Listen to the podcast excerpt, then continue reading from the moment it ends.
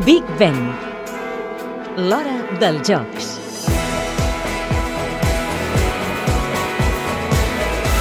A ningú se li escapa que l'atletisme és l'esport rei dels Jocs Olímpics i per aquesta raó els estadis d'atletisme també solen ser singulars, per la seva arquitectura i també pel simbolisme, evidentment, però també per la qualitat del tartan, aquest material sintètic de la pista.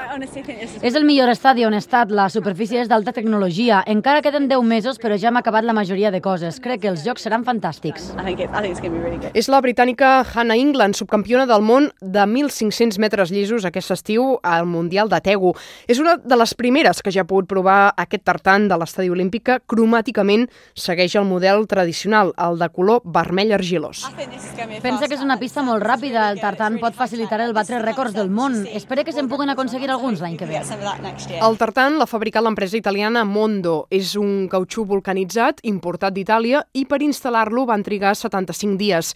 És un tartan d'última generació que combina la suavitat i l'elasticitat que necessiten, per exemple, els fondistes amb una duresa suficient per les proves de velocitat. Els velocistes sempre els agrada la pista, però en canvi els fondistes reconeixen que és complicat aconseguir rècords del món.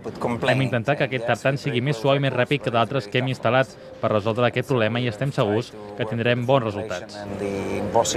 Aquesta reflexió és de Joe Huigstra, un dels responsables de l'empresa Mondo, que també s'ha fet càrrec de la instal·lació del tartan a l'estadi d'escalfament annex, així com també de la recta coberta que hi ha sota una de les tribunes d'aquest estadi olímpic.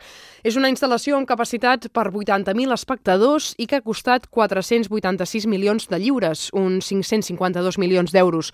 La utilitat futura d'aquest equipament, després dels Jocs Olímpics, s'haurà de sotmetre novament a un procés de licitació perquè s'ha descartat el traspàs del recinte al club de futbol West Ham arran de conflictes legals.